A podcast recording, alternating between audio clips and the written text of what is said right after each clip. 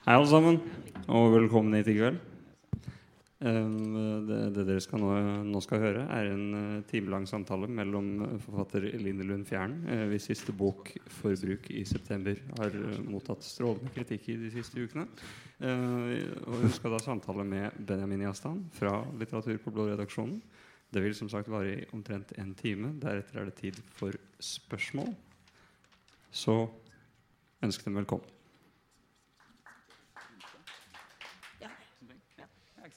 Privat. Ja. Hallo. Takk, Even. Uh, ja, det var hyggelig og intimt. Jeg tror jeg kjenner nesten alle som, som er her i publikum. Jeg også. Uh, nesten. Ja, det er fint. Uh, ja, vi skal snakke om forfatterskapet ditt, Eline.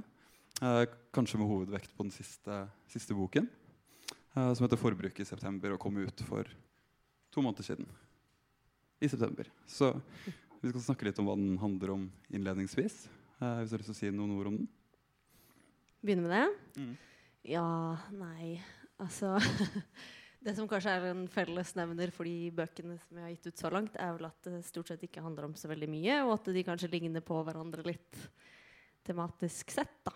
Men uh, utgangspunktet for denne boka her er vel at jeg så for meg uh, to personer i en sånn moderne relasjon, hvor de er veldig selvopptatte og opptatt av sine egne ja, sin egen vrienhet og sine mål. Og så tror de at, de at, de ser hverandre, men så ser de egentlig bare seg selv. Uh, så det var liksom den sånn vage tanken bak mm. uh, boka. Ja. ja. ikke sant. For det slo meg også når jeg leste de to andre nå på nytt igjen, i forkant av samtalen, mm. at det er nesten en sånn hva skal man si, sånn bergmansk uh, tilbakevending av karakterene. Mm. Altså sånn Variasjoner over samme type mennesker eller samme type karakterer. Det tror jeg jo gjelder for veldig mange som mm. skriver generelt. Uh, at man sier jo det at man kanskje skriver den samme boka om og om igjen. mm. uh, ikke at jeg har lyst til det, men det, det jo det handler jo i stor grad om, om, måten man gjør det på, hvordan man kan fornye seg sjøl uansett hva slags materiale man sitter med i utgangspunktet. Mm. Og så var det også i øynefallene nå, eh, der jeg skal klokken og sengen igjen, mm. eh, at den sammenlignet med den nye da, mm. eh, er på en måte mer, altså den er mer utflytende. Eh, mer nesten surrealistisk i passasjer. Eh, og den er mer hva skal man si, rik på romlig beskrivelse osv. Det kommer vi tilbake til, sånn rommenes betydning i, mm. i romanene. Eh, men den nye er på en måte mer liksom, nedstrippa, minimalistisk, liksom renskåren. så er det den relasjonen da, som står i sentrum i boken mellom Espen og Emilie, som jobber i samme ukesavis. Uh, kan du si litt om hva du har tenkt rundt det forholdet?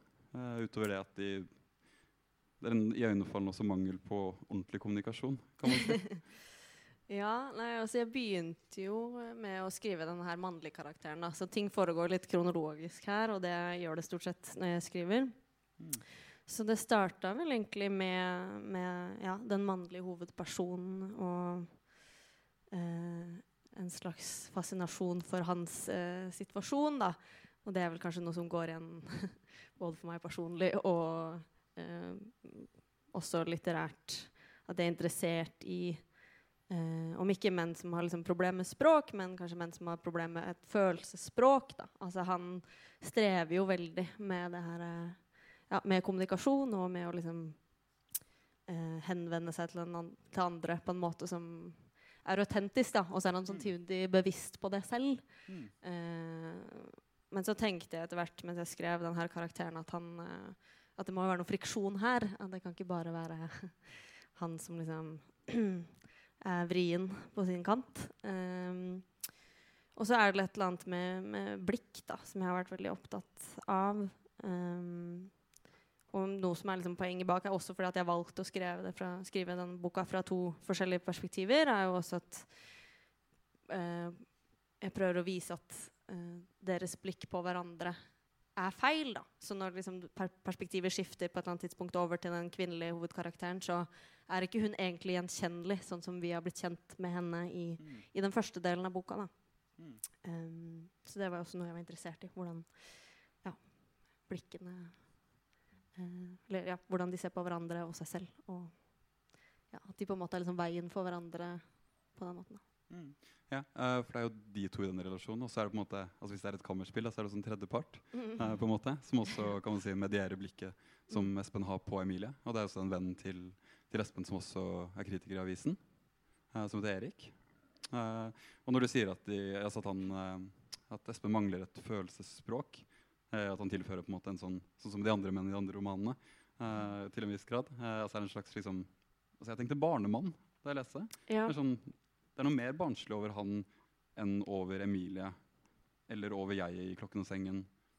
Jeg tenker jo at det er noe de deler, da. Altså, det blir jo også kommentert på en måte direkte i romanen også, at uh, ingen av dem er liksom ferdig støpt. Uh, og for Espen sin del så sliter han jo veldig med forventningene han har til det å skulle være eh, voksen, da, og den følelsen han tenker at han burde hatt rundt det, og eh, hva slags interesser han skulle hatt, og det er liksom Ja, han sliter med liksom, spørsmål om hva det voksne består i, og finner seg kanskje ikke helt til rette i, i, i det som er liksom tanken om hva det burde være, da. Mm. Uh, så det er liksom mange lag der for han, da, om hva, hva det voksne er for noe. Som han ikke helt kjenner seg igjen eller ja, ikke klarer å bli komfortabel i, i hvert fall. Mm.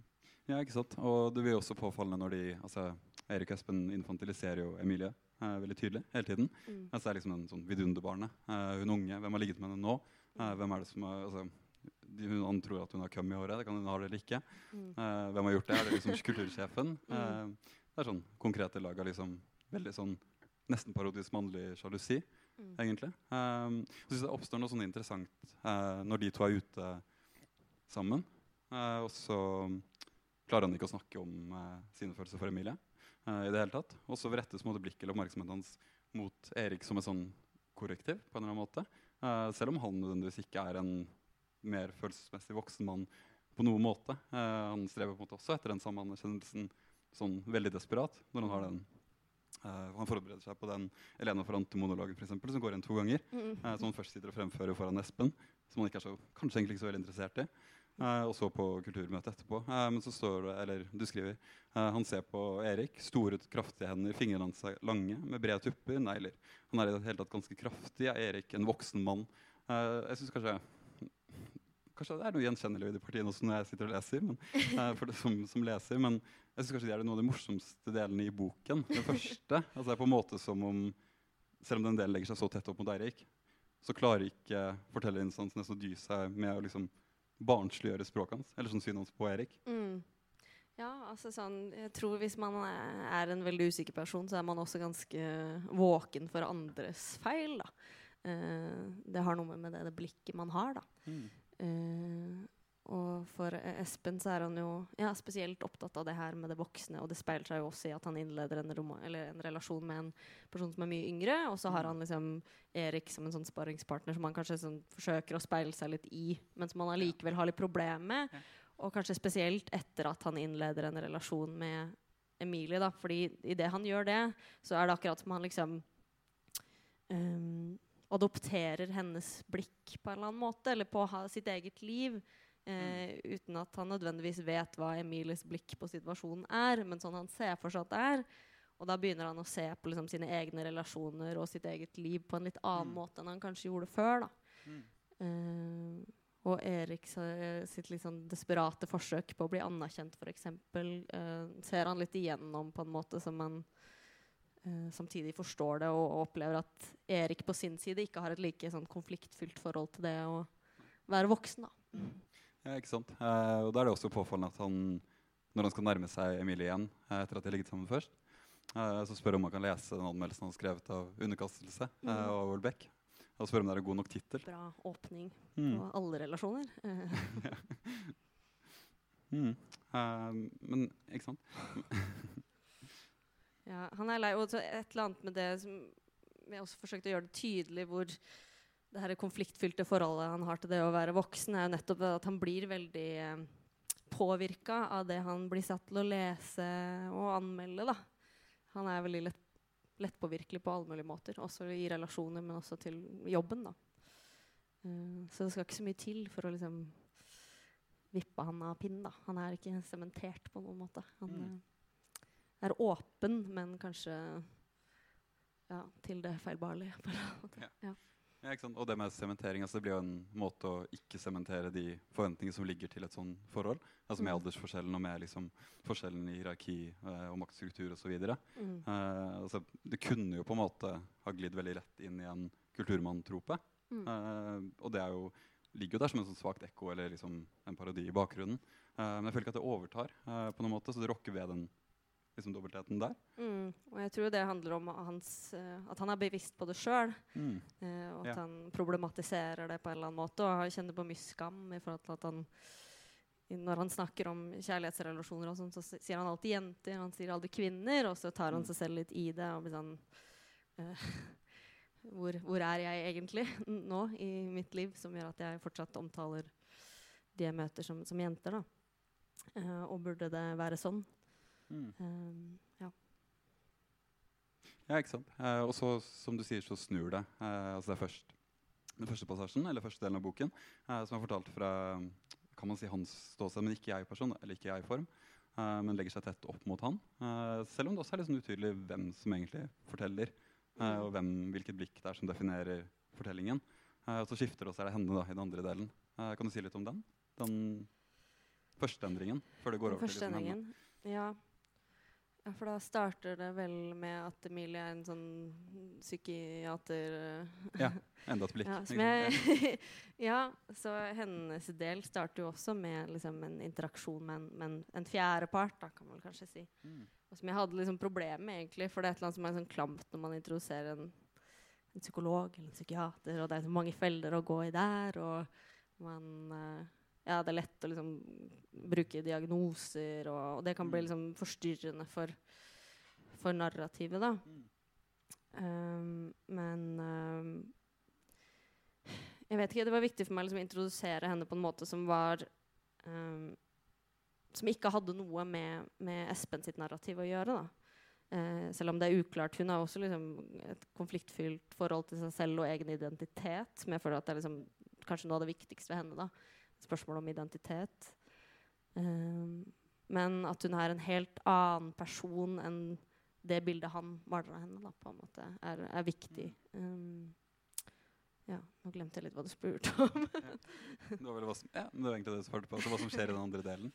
Mm. Uh, men det er, på, altså, jo, det er påfallende. Uh, og kanskje de blikkene på henne Mm. blir artikulert på en annen måte eh, på et vis enn blikkene som Espen har på seg selv. Da, som er internalisert noen form for liksom, skal si om det er mediale blikk eller hva det er. Mm. Så vil jeg også si at det blikket de har på hverandre, egentlig er ganske sånn forutsigbart. Ja.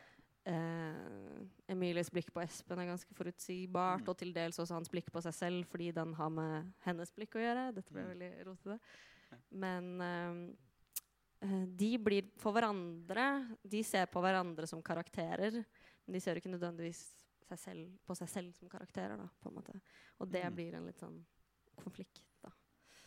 Ja, ja, ikke sant? Eh, for det, det står på Jeg husker ikke akkurat, men det er at hun ser på sitt eget ansikt som en metafor eller noe lignende. Er det ikke det? Eh, Mm. sånn avslutningsvis.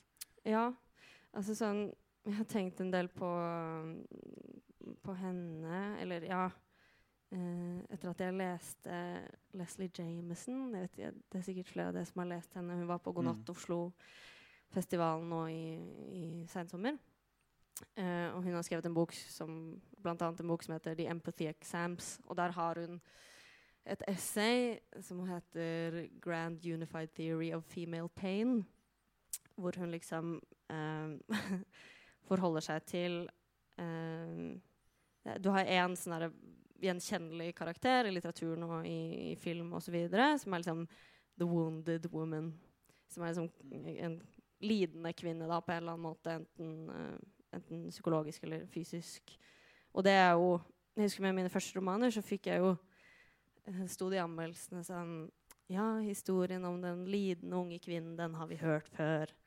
Uh, og det det er jo flere ting man kan si om det, for det var, handler liksom den store amerikanske romanen om. på en måte. Det er jo den lidende unge mannen, da. Um, og, men så lanserer hun liksom et, en, en ny person som er the post-wounded woman. Som er som kvinnen som lider, men som ikke vil vedkjenne seg eh, det faktum at hun lider. Og da kommer hun Leslie Jameson med eksempler som Girls, fordi blant annet i en scene to venninner står og skriker til hverandre no, sånn You're the wound. No, you're the wound. Og det er liksom Uh, Man vil ikke være et offer, man vil ikke være en lidende. Man har liksom oppfatta at det å være en lidende kvinne har blitt en klisjé, og så vil man distansere seg fra det, da. Um, som er veldig interessant, syns jeg, fordi um, Og det tror jeg gjelder litt for Emilie, da. Hun lider åpenbart, men måten hun behandler sin egen lidelse på, er å liksom distansere seg og, og ironisere. Og, men det at hun gjør det, betyr jo ikke at lidelsen ikke eksisterer. Nei, Eh, og Leslie Jemison sier jo det i det essayet sitt også at ja, hun, er, hun er jo lei av liksom, lidende kvinner, ideen om lidende kvinner, men hun er også lei av de som er lei av det. Ja, ikke sant. Og Og da, det- blir, ja. ja. og da blir det på en måte at den lidelsen hennes da ikke altså settes en merkelapp på, da, eller at det diagnostiseres ikke, men det blir på en måte ikke satt på begrep. Mm. Eh, blir på en måte en strategi for å holde det åpent eh, på et Ja, vis. på en eller annen måte. For det, det tror jeg er viktig. da, Spesielt ja, åpenhet tror jeg er et viktig stikkord for den, de konfliktene der. da. Mm. Eh, og det er jo også en tilbakeblikk, eller en beskrivelse av at det på et eller annet tidspunkt har skjedd et overgrep. Og det har jo bevisst brukt kanskje cirka så mye plass på, da. Eh, um, og på en måte så forklarer det jo mye av uh, hennes situasjon. Men det å skulle vie den hendelsen i seg selv mye oppmerksomhet um, um, Det hadde jeg ikke noe lyst til, da. Mm. Og det var bevisst. Mm. Uh, absolutt. Ja, ja, ikke sant? Uh, og da er det de terapisamtalene uh, som blir det helt konkret. Det er liksom rommet der hun tvinges til å få et helt annet blikk på seg selv. Som er på en måte, kan man si mer eller mindre fri, frivillig også. Men så har hun vegringen mot å gå tilbake igjen i barndommen. Og det får jeg også lyst til å spørre om, for det er jo i alle tre romanene egentlig veldig mange tilbakeblikk. eller drømmer om barndom. Men jeg opplever på en måte ikke at det er brukt som jeg vet ikke, som freudiansk verktøy heller. Nei. Altså, du leker med det også, men uh, ikke liksom i direkte forstand. Uh, det er ikke som at man husker det bak, og så plutselig er det en, noe fortenkt som har kommet opp til overflaten. Nei, absolutt ikke. Og hun er jo også veldig bevisst på uh, den forventningen til terapisituasjonen. Mm. terapisituasjonen. Ja, er da, at det skal komme et Mm. sånt gjennombrudd. eller sånn. Og hun gjen tror i hvert fall at hun gjennomskuer psykiateren og liksom pirker borti noe som han mener at kanskje er forløsende på en eller annen måte. Og da blir hun med en gang sånn Nei, nå tror du at du nærmer deg et gjennombrudd her, men sånn er det ikke. Og, men det handler jo også om at hun vegrer seg for å være eh, nettopp den klisjeen, da, på en eller annen måte. Eh, og, eller å være et offer, eller å være Ja. eh, den lidende kvinnen, på en eller annen måte. Samtidig som hun så åpenbart er det. Ja, ikke sant? Og det, blir også, eller det speiles også tydelig i den siste, eller litt senere ut i romanen. Eh, altså når hun ikke heller vil gjøre seg til en kjæreste eh, for Espen. Mm. I det hele tatt, så Hun har ikke lyst til å være den som sitter og venter på han hjemme. Eh, sånn hun går på jobb og skriver om Welbeck, og så kan hun ligge, på det ligge hjemme i sengen. Liksom. Det er, hun fornekter også det. Så hun Mm. nekter på en måte å ta imot omsorg fra han eh, Mm. også. Absolutt. Uh, mye sånn kvaler fått til det. Altså, jeg tror um, Hun har nok mye problemer med det blikket hun forstår at han har på henne. Og det gjelder jo litt for begge, da. Eh, Ja. Så det å faktisk inngå en relasjon vil jo også på en måte realisere eh, de forventningene man har til hverandre. Da. Eller man vil kanskje forsøke å imøtegå det på en eller annen måte. Samtidig som det vil oppleves som selvutslettende. Og der gir jo hun litt etter på, på et tidspunkt. Ja. Idet det de ikke sant? inngår en relasjon. Mm. Ja. Og så speiler det også den relasjonen som jeg i Klokken og sengen har, eh, til Julie, Mm. som er venninnen. Eh, kan du si litt om det? For der er på en måte den nesten selvpåførte ulykken senere, som utløser en sånn slags vending. Ja, jeg må innrømme at uh, jeg ikke egentlig husker uh, hva, Det var en bil Altså, det høres ut som jeg Julie er i en bilulykke, Ja. og så mister hun med vilje Er det et bord på bena eller noe sånt? For også å bli lagt inn på Haukeland. Oh, ja. Ja. Ja. Mm. Eh, stemmer. Ja, ja for det, hovedpersonen innser at hun ikke, eh, ikke er i stand til å eh, gi omsorg, kanskje. Eller ikke er OK med de forventningene som stilles til henne som venninne. At det vil eh, koste for mye på en eller annen måte. Um, uh, så Derfor så påfører hun seg sjøl skade da, mens hun er der hvor hun ikke har lyst til å være, men som hun føler en forpliktelse til å være.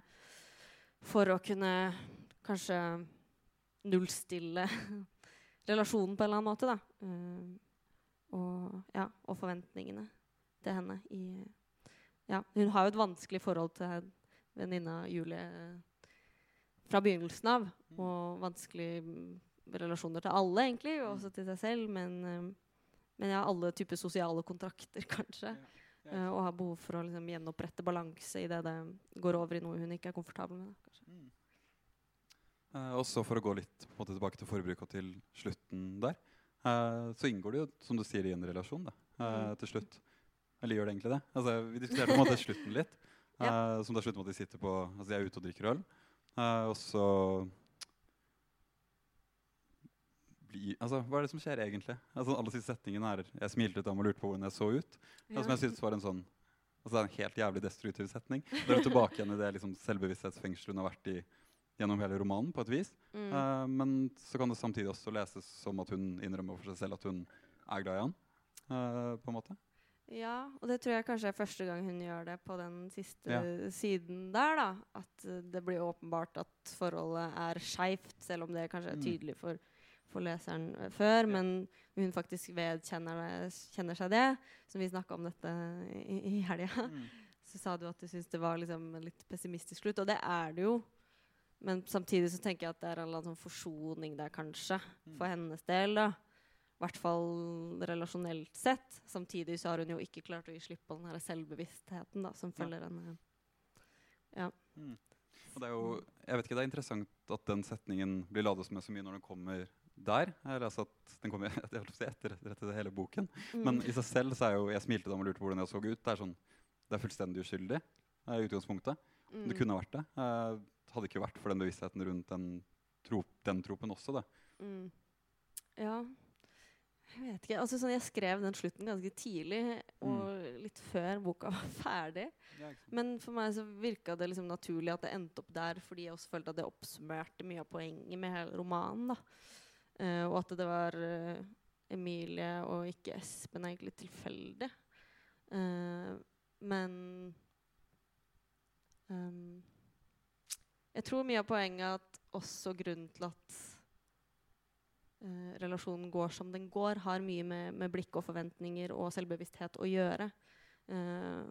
og når hun oppsummerer på den måten, da, uten å vite at det kanskje er det hun gjør, eh, så blir det tydelig da, på en annen måte at dette kunne jo kanskje aldri ha fungert. Mm. Uh, på en annen måte, ja. ja. Mm.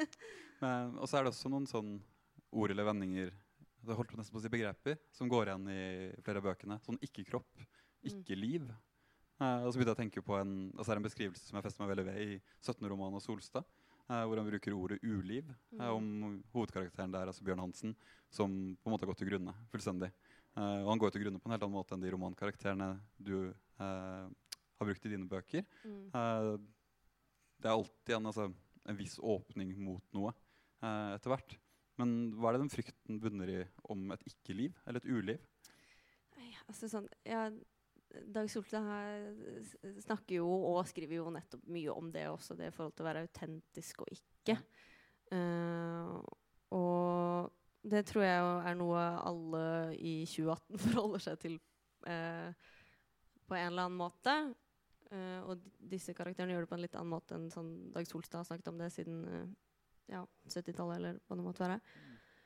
Men eh, det er også noe med eh, selvframstilling og identitet og det å alltid være bevisst på hvordan man liksom kuraterer sin egen person. da og så skal det liksom Så skal man møte en annen person i det, som potensielt er liksom truende for hvordan man forvalter seg sjøl på en eller annen måte. Mm. Uh, og da er liksom spørsmålet om um, autentisitet da, viktig. Altså sånn, og kanskje en mistanke om at man ikke lever et Eller at man lever nettopp et sånn ikke-liv, eller at man har en ikke-kropp fordi mm. det har plutselig blitt noe annet på en eller annen måte. Ja. ja og du skriver også i 'Klokken og sengen' at kroppen går før sinnet? Eller altså at kroppen går raskere? Mm. At sinnet henger på en måte hele tiden igjen etter kroppen. Altså, ja. Slo meg også at Man kan ikke gjøre en sånn eh, veldig dikotomisk inndeling, men eh, 'Klokken og sengen' er jo også en mer kroppslig, det er en mer ubehagelig roman å lese. Eh, også rent kroppslig. Det si. Da føler jeg på et større ubehag når jeg liksom sitter inne i eh, min leilighet og leser den. Mm. Uh, og så leser jeg Forbruk i september. Og så er det på en måte mer en sånn jeg vet ikke, intellektuell reaksjon på det. Uh, og så ble jeg selvbevisst. Det er, sånn, det er også en enkeltseng og så videre når jeg sitter og leser. Men er det en slags liksom, skille der? ja, på en måte? jeg tror det at på en eller annen måte så Jeg tenkte mye på det med Det er mange som har skrevet om det, men sånn sykdom som metafor, f.eks. Både fysisk og psykisk sykdom som metafor. Og det var jo kanskje litt viktig i, i 'Klokken og sengen', eh, hvor det blant annet er liksom, ja, anoreksi og depresjon og sånt som på en måte får lov til å bli en metafor for noe annet. Da. Og det blir det jo også i samfunnet i dag. Du har liksom um, Finn Skårderud, som ja, også har fått mye kritikk for det her, med liksom villa sult og liksom romantisering av, av, psykisk sykdom. Og jeg har skrevet mye om spiseforstyrrelser f.eks. før, og har egentlig alltid følt et ubehag ved å lese om anoreksi, spesielt som et sånn semiotisk system, eller som en metafor på noe annet. da. Samtidig som det jo er det. Uh, men det er veldig vanskelig å For når det er liksom Når f.eks. anoreksi er et tegn på liksom et manglende språk, eller at man vil eh, Det handler om å bli sett, eller det handler om å bli elska. Altså sånn, nå føler jeg at ting forsvinner, at jeg ikke har grep om noen ting. Derfor reagerer jeg på denne måten. Eh, ser meg, tar vare på meg. Men så tror jeg mye handler om at um, for det er litt som det var inne på i stad, at selv om man kan liksom romantisere det, selv om det har blitt romantisert og derfor kanskje ikke så interessant, så betyr det jo at det fortsatt ikke finnes. Altså det er jo der fortsatt. Og da tror jeg mye handler om å forstå at liksom, metaforen ikke funker. Og det er kanskje liksom det jeg har kommet fram til selv også, personlig. At um, hvis man legger til grunn at kroppen en skal kommunisere for deg istedenfor språket ditt, eh, så har du egentlig tapt. da. Mm. Eh, som oftest så funker det ikke. Mm. Eh, som oftest så er det ingen som går og legger merke til deg der du går rundt og fryser og er kald og er tynn og sånn. Mm. Du må som oftest til slutt sette ord på det likevel. Eh, og det å forstå, at metaforen ikke funker, det tror jeg er helt eh, Det tror jeg er veldig viktig. Mm. Eh, og da Samtidig som man ikke som man lat, ikke later som om sykdommen ikke er der. da. Mm. Ja. ja, nei, nei, fint. Uh, og altså, når jeg snakker om sykdom som metafor, så tenker jeg på Sondag med en gang. Mm. selvfølgelig, uh, Som har skrevet en bok som heter 'Sykdom som metafor'. Mm. Uh, hvor hun går tilbake mentalitetshistorisk og så ser på hvordan sykdom har blitt koda i språket. altså hvordan det har blitt brukt som en metafor på kunstnerisk selvstendighet og en tilegnelse eller appropriering av sykdom, mm. eller liksom inntagende sykelighet. Eh, F.eks. på den spede kvinnekroppen eller den døde kvinnekroppen, eller på tuberkulose, for eksempel, som har blitt kodet som en sånn eh, overklassesykdom. Mm. nesten, Mens i virkeligheten er jo ikke det i det hele tatt. Altså, det er en liksom alvorlig eh, veldig alvorlig sykdom som stort sett rammet fattige, eh, mm. også på 1800-tallet. Uh, det var en liten digresjon, det også. Men tilbake. Nei, men jeg har også lest, uh, lest mm. det. mm. Og hun er jo også veldig hard på at liksom, nei, men sykdom er sykdom. på en måte. Det er det mm. her kjedelige, um, prosaiske og ikke Det er ikke en metafor. det er ikke liksom tegn på hva som foregår i verden, eller, mm. eller noe sånt. Og der skiller jo kanskje liksom, fysisk sykdom seg litt fra psykisk sykdom på en eller annen måte. Fordi um, man kan kanskje si at det er mange som iscenesetter sykdom, men iscenesatt sykdom er jo også sykdom. På en eller annen måte, og Det er det man må forholde seg til. Da. Det blir vanskelig å liksom, skille mellom autentisk og fabrikkert sykdom. på en ja. måte. Altså sånn, Da er man inne på et sånn vanskelig område. Men jeg tror at det er viktig å snakke om hvordan man forholder seg til virkeligheten og forholder seg til the wounded woman. Mm. Um, og forstå at hun er der, men hvordan snakke om det på en måte som ikke romantiserer noe enda mer ødeleggende. Da, på en måte. Ja. Og som hun skriver også i den neste boken, da, som heter 'Aids og dens metaforer'. Mm -hmm. uh, den fins ikke på norsk, men ja. Uh, hvor hun f.eks. belyser at aids uh, har blitt brukt i, eller altså når man skriver om aids i medier og i reklamekampanjer og uh, fra helsemyndigheter osv., så, videre, uh, så er det også kodet som et krigføringsspråk. på en måte, altså Man går til krig mot aids. Mm. Uh, man skal utslette det. altså er det en sånn militant aggressivitet som hun selvfølgelig, eh, siden det er Sontag, da knytter det til Reagan-tiden i Mm. USA osv. Uh, hvis, vi liksom offret, altså, hvis vi holder oss litt ved akkurat det, altså metaforikken uh, når det gjelder rundt anoreksi, f.eks., altså hvordan den sykdommen har blitt koda. Mm. Eh, for det er jo en, en scene i 'Klokken og sengen' for eksempel, hvor uh, jeg tenker da tilbake på at moren kanskje ikke ville ha henne. eh, og da å sulte seg uh, blir på en måte å gjøre bot for det. Mm. Eh, det antydes at det er en forestilling som kanskje ligger hos henne, og som krymper. Eh, jeg tror liksom ordet krum, eller variasjoner over ordet krum, er det et av uttrykkene som er brukt mest i boken. Altså det er noe som snevres inn hele tiden. Mm. Hun forsøker å gjøre seg så liten som mulig. Mm. Som ja, en slags regresjon, men som du sier igjen, da, altså den forestillingen ligger der. Mm. Men det er jo ikke bare der. Og det er ulike mm, eh, historier innenfor det. Det ene er liksom sånn, sånn som du sier, Ja, det. Å ikke liksom føle for, seg fortjent til sin plass i verden, eh, på en måte. Og det andre er liksom, ja, f.eks. problem å ha en kvinnelig kropp. Og liksom, det er mange sånn mer eller mindre produktive metaforer for det. da. Og det kan være fint på én måte, men jeg syns, jeg syns at man skal skrive om det og representere det. Eh, men samtidig at man skal vise en man skal, forsøke, man skal også skrive om noe som er liksom i retning noe større og noe mer enn bare det. da, Mm. på en måte. Det er ikke jeg har vært så flink til foreløpig, men jeg har tenkt på det. Eh, og, ja. Jeg syns i hvert fall det er en veldig spennende diskusjon. Og ehm, jeg ble jo også dratt inn i en sånn diskusjon om nettopp det å skrive om anoreksi etter min forrige, forrige roman. Uh, og det syns jeg på en måte egentlig at var helt fair, og jeg så meg selv liksom eh, skyldig i mye av det den personen kritiserte også, samtidig som man ikke kan liksom late som at det ikke finnes, men at det Mm. handler om måten man, man gjør det på. Da. Mm. Kan jeg spørre hva den kritikken gikk ut på? Eh, Nei, det handla om nettopp det romantisering av, av spesielt anoreksi. Da, med tanke på at det finnes flere spiseforstyrrelser, og anoreksi er den minst vanlige av den. Uh, men som, den som Mm. skrives mest om, og som er mest utsatt for liksom, forskning. Da. Mm. Eh, så det, det har han jo absolutt rett i. Men uh, jeg tror alle de her klisjeene, f.eks. Uh, det som jeg fikk av litteraturkritikk da, i den perioden, som var sånn 'Denne historien har vi hørt før', og ja, det har vi, men det er jo ikke sånn at mangfoldet Eller sånn Jo flere sånne historier vi får, så betyr det at, at det faktumet eh, Eller at det forsvinner da, som et problem. Det er jo ikke sånn det funker. Eh, så ja. Men den, altså den dobbeltheten mellom det som faktisk er der, og det det blir representert som, Mm. eh, slår meg også som en sånn ledermotiv gjennom de tre bøkene eh, når det gjelder tilbaketrekning, eh, eller stillhet, taushet. Altså det er veldig mange karakterer som forstummer, eller egentlig de tre jentene alle tre bøkene. Mm. Uh, nå er jo ikke Emilie i forrige uke i september så lenge stengt ute, eller stenger seg selv ut fra verden, men over et lengre strekk. Um, kan du si litt mer om hvordan du tenker rundt det som fenomen? Uh, altså hvordan du balanserer mellom det som en kulturell tilstand, eller et svar eller et motsvar til noe, Mm. uh, kontra bare på et liksom rent karakternivå?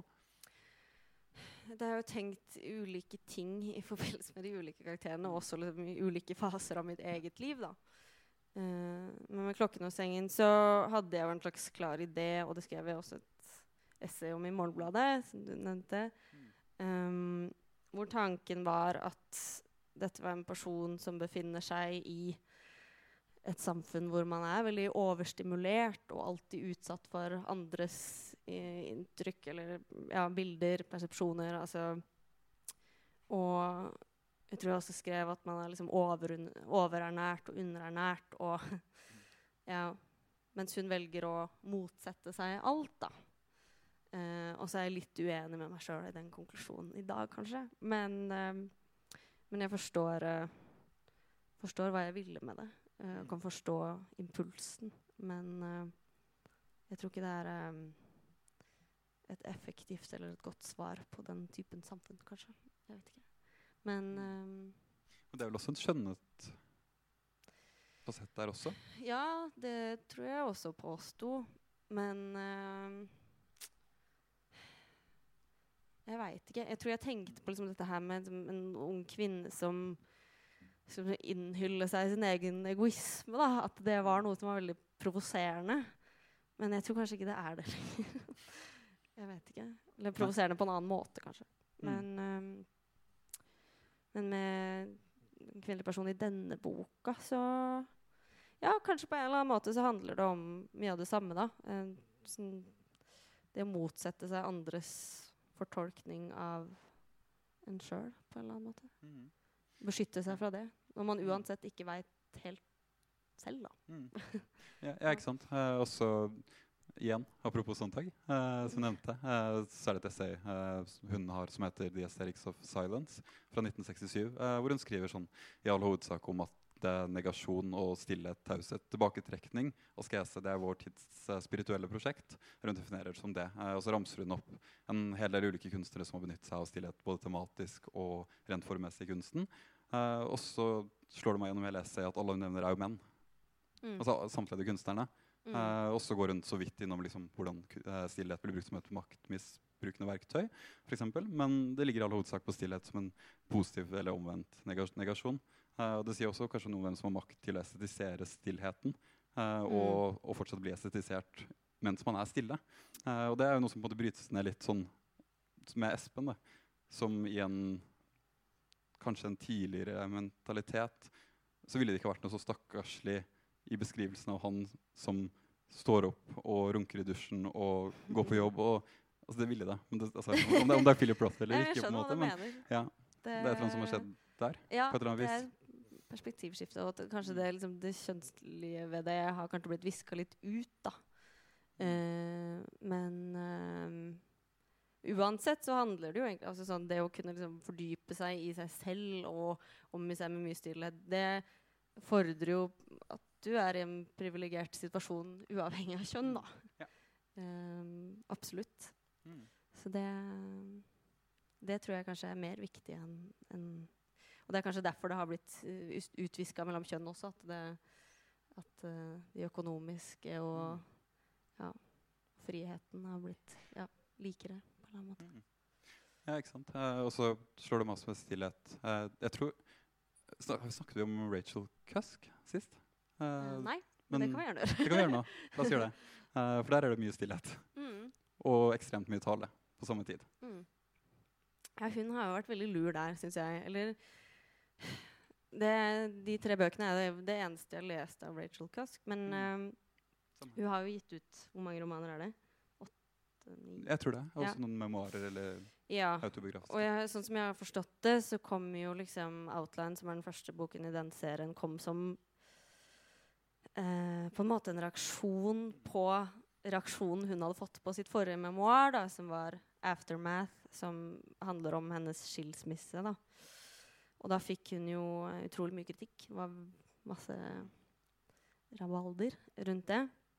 Uh, og, litt sånn som kanskje Knausgård hadde blitt utsatt for i enda større grad hvis han var kvin kvinne. jeg vet ikke. Men uh, hun ble litt sånn der, en litt sånn forhatt figur, nesten, på et tidspunkt. Og så gjorde hun altså, Som et svar på det så skrev hun på en måte den samme historien på nytt. Ja. Men overlot til andre å fortelle den på en eller annen måte. Mm. Som også er selvutslettende uh, for det jeg Ja. som snakker. Og så kan man spørre seg om det er det altså likevel. Man sitter på en måte, altså, hvert fall når jeg har lest i den trilogien, sitter og venter på noe sånn stort Mm. brudd. At hun skal bryte fullstendig sammen fordi hun har hørt på de andre hele tiden. Men det skjer jo Jeg føler at ja. det er flere brudd der. i hvert fall. Altså, sånn, Mm. Narrativt så er det åpenbart åpenbart det, men også i forhold til liksom, face-fortelling. I outline så er det nettopp de andre som fører fortellingen. Men så skjer det et lite brudd der, mener jeg, i, i transit, hvor hun, hennes person blir tydeligere. eh, på en eller annen måte. Den blir aldri veldig tydelig, men det er noen sånn krakeleringer Ja. underveis. Eh, også det at hun, hun har en sånn merkelig behov for liksom irettesette folk. Og, altså sånn, hun tegner stadig mer og mer opp. Da. Mm. Og jeg jo Jeg ble jo fascinert av det uh, som et veldig interessant romangrep. Og nettopp det jeg forsøkte å si litt i stad. Liksom, skriv om de her tingene, men forsøk å liksom peke i noe som kan bli litt større. eller noe som kan bli noe annet. Eller Mm. og det, det føler jeg at det er kanskje akkurat det hun har gjort. da. Ja. uh, og det Ja, ikke sant? Med den kalkuleringen, krakeleringen, at du sier at hun på en måte fikser litt på det. Uh, Mm. For det er, jo, det er jo helt klart og tydelig at de lange monologene som de karakterene hun uh, snakker med, Eh, hun kommenterer bare litt iblant. Mm. Hun forskjønner jo, eller endrer på og vrir. og forteller egentlig de Det er jo hun som forteller historiene. Absolutt. Samtlige. Men hun gjør det, hun gjør noen veldig sånn smarte karaktergrep. Ikke bare ved at hun introduserer flere stemmer, men også at hun introduserer de stemmene hun gjør. Da. Det er noen der som er liksom Man skjønner at det ikke er meningen at vi skal få sympati for, og som blir en sånn derre Ja, kasteball eh, på en eller annen måte, da. Eh, som jeg syns fungerer veldig bra, og som jeg nesten opplever som en litt sånn ja, er sånn responsroman på hele virkelighetslitteratursdebatten. Mm. Men en vellykket en, som man kanskje ikke skulle tro når man oppsummerer det på den måten. Men uh, ja. Nei, det er en kjempeunderholdende romantrilogi på Mm. måter. Og så er det jo, apropos panelsamtaler liksom debatter, samtaler, Uh, så er det jo den scenen i Det er vel i Transit, om ikke Kudos, i Transit, hvor hun deltar på den litteraturfestivalen. Uh, og så forstummer hun der, på et vis. Men vi vet ikke om hun egentlig gjør det der heller. Uh, altså Det gjengis som at den mannlige forfatteren eller mannlige skribenten, som er en sånn Knausgård-pastisj, da, Mm. eh, tar over hele og snakker hele tiden. Mm. Mm. Ja. Nei, og det er nettopp de du, du føler som sitter med en følelse av at hun kanskje lurer deg litt, da. Mm. Eller det er et sånn derre spill med narrativ og en kommentar til ideen om narrativ og karakterer, Mm. uh, synes jeg som uh, Og det er liksom hun påstår at det ikke finnes karakterer heller, på en måte. Det er liksom um, Ja. Nei, jeg syns uh, Jeg vet ikke om jeg har så mye å si om det, men jeg syns det er veldig et veldig interessant grep, da. Og som jeg opplever at kommer litt i affekt, men, men har et heldig utfall. Altså, du, du skjønner at hun har brukt lang tid på å finne en sånn produktiv Mm. måte å gjøre det her på, da. Som jeg vil tro at det er vanskelig. Mm. Men uh, ja. Ja, jeg, jeg kom til å tenke Sorry.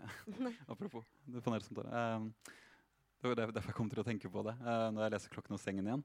uh, at det ble på en måte åpenlyst utover i narrativet at det er ikke sånn det har sett ut, på en måte, de samtalene. Mm. Altså den subjektiviteten som ofte er veldig illusorisk i en del romaner som legger seg tett opp på et jeg, sånn som den. Uh, så er ikke det like åpenbart, men gradvis så begynner det også å krakelere. Og det er tydelig at de situasjonene har befunnet seg i, uh, både med mannen først, og så Julie, uh, Mhm. har jo overhodet ikke sett sånn ut. Mm. Mm. Mm, det er helt sant. Og det, det skjer jo også veldig mye i den Mm. triologien, da. Altså det er en sånn mangel på realisme der, da, men som kanskje også er litt sånn typisk for vår tid, på en måte. Og både i litteraturen, men også i, i politikk og journalistikk. At det er liksom ikke gitt at Eller sannhet har ikke blitt like viktig da, uten at man skal liksom uh, benytte seg av en sånn Trump-retorikk. Men uh, men uh, jeg, husker liksom noe av det første jeg lærte på litteraturvitenskap som jeg ja, Dette er veldig basic, men jeg gikk der bare ett år. Men sånn Noe av det første vi ble fortalt, er at liksom, litteratur handler om det som ikke om det som har skjedd, men om det som kunne ha skjedd. Og det opplever jeg som fortsatt veldig presist. Selv om det har blitt gjentatt mange ganger, og sånt, så, så, så syns jeg det er Opplever jeg det som et utsagn som gir mening. I, um, og det er liksom mye av litteraturens verdi og rolle, da. Uh, og det syns jeg er liksom viktig å minne på i debatten om, om virkelighetslitteratur, f.eks. Som vi snakka om at vi kanskje egentlig ikke skulle snakke så mye om, men som jeg er vanskelig å unnslippe, da. Og på en måte så syns jeg det er interessant. Og samtidig så savner jeg at noen sier sånn uh, At man ikke bryr seg så mye. Eller at man ikke har så mange kvaler i forhold til det. Og det tror faktisk ikke jeg at jeg har, altså. Eh, I forhold til Nei. Og så tenker jeg at sånn Grunnen til at man leser andre, er at man er interessert i Altså utgangspunktet ens når man skriver, er jo eh, observasjoner og interaksjon med andre mennesker. Og det at man har et liv utenfor litteraturen, er jo ikke uvesentlig. Det er nettopp det som gjør det interessant. Og som, eh, så hvis man skal åpne en roman og håpe på at man får noe annet enn det, så skjønner jeg ikke helt at man at man gidder det. Mm. Eller eh, For meg så virker det åpenbart at de um, tingene er nødt til å eksistere på en eller annen måte. Ja, for, for du kom jo med den første boken i 2013. Mm. Uh, og siden så altså Det var jo på en måte rundt der eller et par år før at den virkelighetsdebatten begynte å rulle med Knausgård først. Um, har du merket noe annet i lesemåter? Eller i den generelle resepsjonen? Av mine bøker? Eller av Dine bøker og alles bøker, holdt jeg på å si. Generelt. Altså den offentlige samtalen rundt litteratur, og hvordan påvirker det deg når du selv skriver? at litteraturkritikere plutselig på et eller annet tidspunkt ble etterforskere, da. Det er jo litt uheldig for, for eh, ja, litteraturkritikken. Jeg tror man har blitt dårligere lesere, da. Eller eh, man leiter på feil sted, eller premisset er noe annet. Uh, og i takt med at det har At offentligheten og ordskiftet på en måte samla sett bryr seg mindre om sannhet, så er også eh, det man skal ta hverandre på, handler om sannhet, da. Mm. hvis det er mening. Men eh, ehm, for meg som liksom debuterte med en roman om et forhold mellom en ung jente og en voksen mann, uh, så var det selvfølgelig nesten, nesten utelukkende det jeg fikk spørsmål om. Um, er det sant, og har du vært i det? Altså sånn, og det ble jeg også forberedt på av forlaget. Vi hadde liksom samtaler om det i, i markedsavdelinga på Oktober. Så jeg var forberedt på det. Eh, men så utrolig liksom, uinteressant det er, da. Eh, som forfatter og som, også som leser, som jeg vil egentlig tro at de fleste har et ganske sånn avklart forhold til hvordan de tingene her fungerer. Eh, og derfor så syns jeg jo at oftere enn man, oftere enn man snakker om liksom, tendenser i litteratur, så burde man snakke om tendenser i kritikk, og hvordan man skaper liksom um, Ja, sensasjoner innenfor litteratur, da. Um, Og så vil jo kanskje også litteraturen påvirkes av kritikken på sikt. Absolutt. man- Vi merker det ja. sjøl også. Jeg tenker mye mer på det. Samtidig sånn, I skriveprosessen så gir jeg som vanlig litt fan. Og så er det sånn idet du innser at det skal komme ut, så er det litt sånn Å nei, nå er klimaet sånn som det er. Hvem Altså sånn Ja. Mm. Uh, som jeg, jeg var veldig engstelig med min første roman også, men jeg, og litt mindre med den andre. Og litt på samme Følt mye på av det samme som jeg følte med min, med min første bok, da. Uh, Idet det skal komme ut. Um, samtidig så blir man jo Nei, det er litt frustrerende, da, å skulle gi ut en bok og lansere det som en roman som jeg i hvert fall står inne for. Og så skal det leses på en måte som om det var et én-til-én-forhold forhold mellom de her tingene. Og øh, ja. Nei, jeg det- syns jo egentlig det er en ganske kjedelig debatt, samtidig som jeg har tenkt på hvordan man øh, behandler sine karakterer på en måte. Og særlig kanskje med den her mannlige karakteren. Så liksom um, Man vil jo gjerne utstille karakteren sin. Man vil liksom det, utstille deres feil og mangler og usympatiske trekk og sånn. Det mener jeg er viktig, men uh, å ikke la det gli over i en parodi, da. Og det er kanskje liksom en sånn feil man kan gjøre, som er lett å gjøre hvis man eh, i for stor grad knytter seg opp mot virkeligheten, da, uten å liksom sette det i en annen kontekst. på en måte. Mm. Ja. Ja, jeg tenker også på en annen Jeg vet ikke om man kan kalle det en trend eller ikke. Uh, men at man på den ene siden er nettopp veldig opptatt av å bryte ned myten, eller romantiske myten om det autonome forfattergeniet. Uh, på den andre siden så har det ikke vært flere holdt jeg på å si, sånn Se og Hør hjemme hos-reportasjer uh, av forfattere. Uh, det er overalt hele tiden.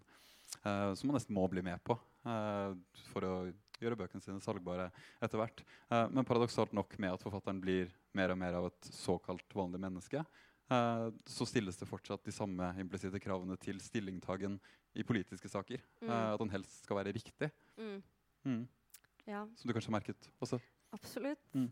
Eh, og det er veldig sånn forventning fra gammelt av, kanskje, om at liksom eh, forfattere skal være til stede i samfunnsdebatten. Og det, liksom, det har jo bare skjedd i Det har jo ikke vært en, en jevn historisk eh, greie, men kanskje liksom i, i periodevis, da. Eh, men at man skal liksom si noe viktig og konkret og tydelig om en samtid som vil Og det mener jeg at veldig mange gjør, men at kritikken er liksom såpass eh, kjapp eller hurtig og overfladisk at den heller ikke klarer å se, se det, da. Um, men uh, ja, i større grad at, at man skal være liksom en eksentriker eller en, en person, da, så skal man også liksom sitte på kunnskap og sannhet og innsikt om hva som foregår i, i dag. Da. en. Mm. Ja. Men om forfatteren ikke har en plikt eller forpliktet seg på å ha de riktige meningene, eh, kan man likevel si at forfatteren har et større ytringsansvar enn andre, i og med den, det privilegiet man har til spalteplass, f.eks. Mm. Nei, og nå vil jeg ikke si at jeg ser liksom ekstremt mange forfattere i, i spaltene i norske aviser i dag.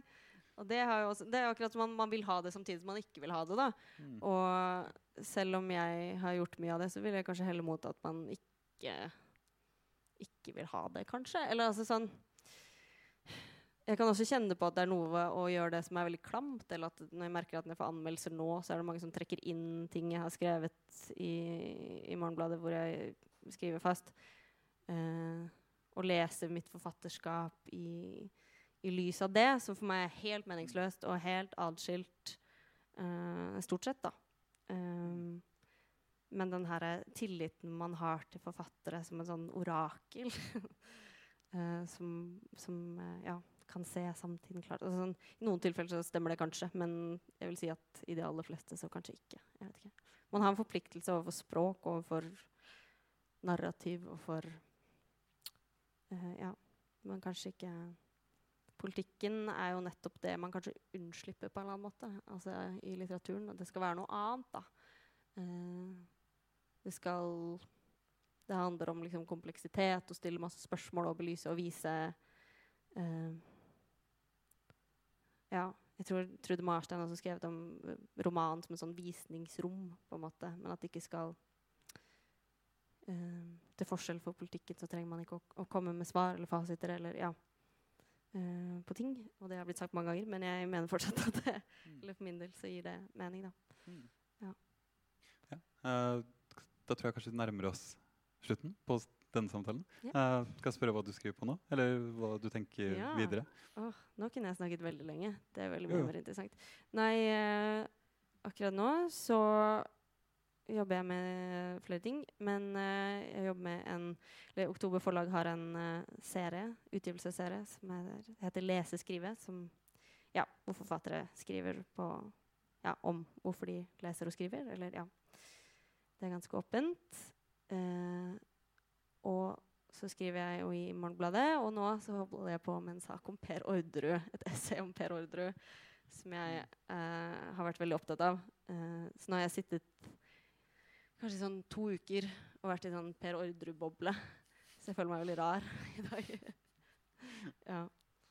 Så ja. Skrevet mye om, om nettopp det her med menns følelsesspråk og ja, hvor viktig det er med språk i en rettssal i forhold til troverdighet. Mm. Og ja, kanskje særlig en sak hvor bevisene er å få, og veldig mye handler om troverdighet. Da. Så det, ja, det, den bobla er jeg veldig i nå. så hvis noen har lyst til å komme og snakke om Audrud-saken med meg etterpå, så gjør det. Mm.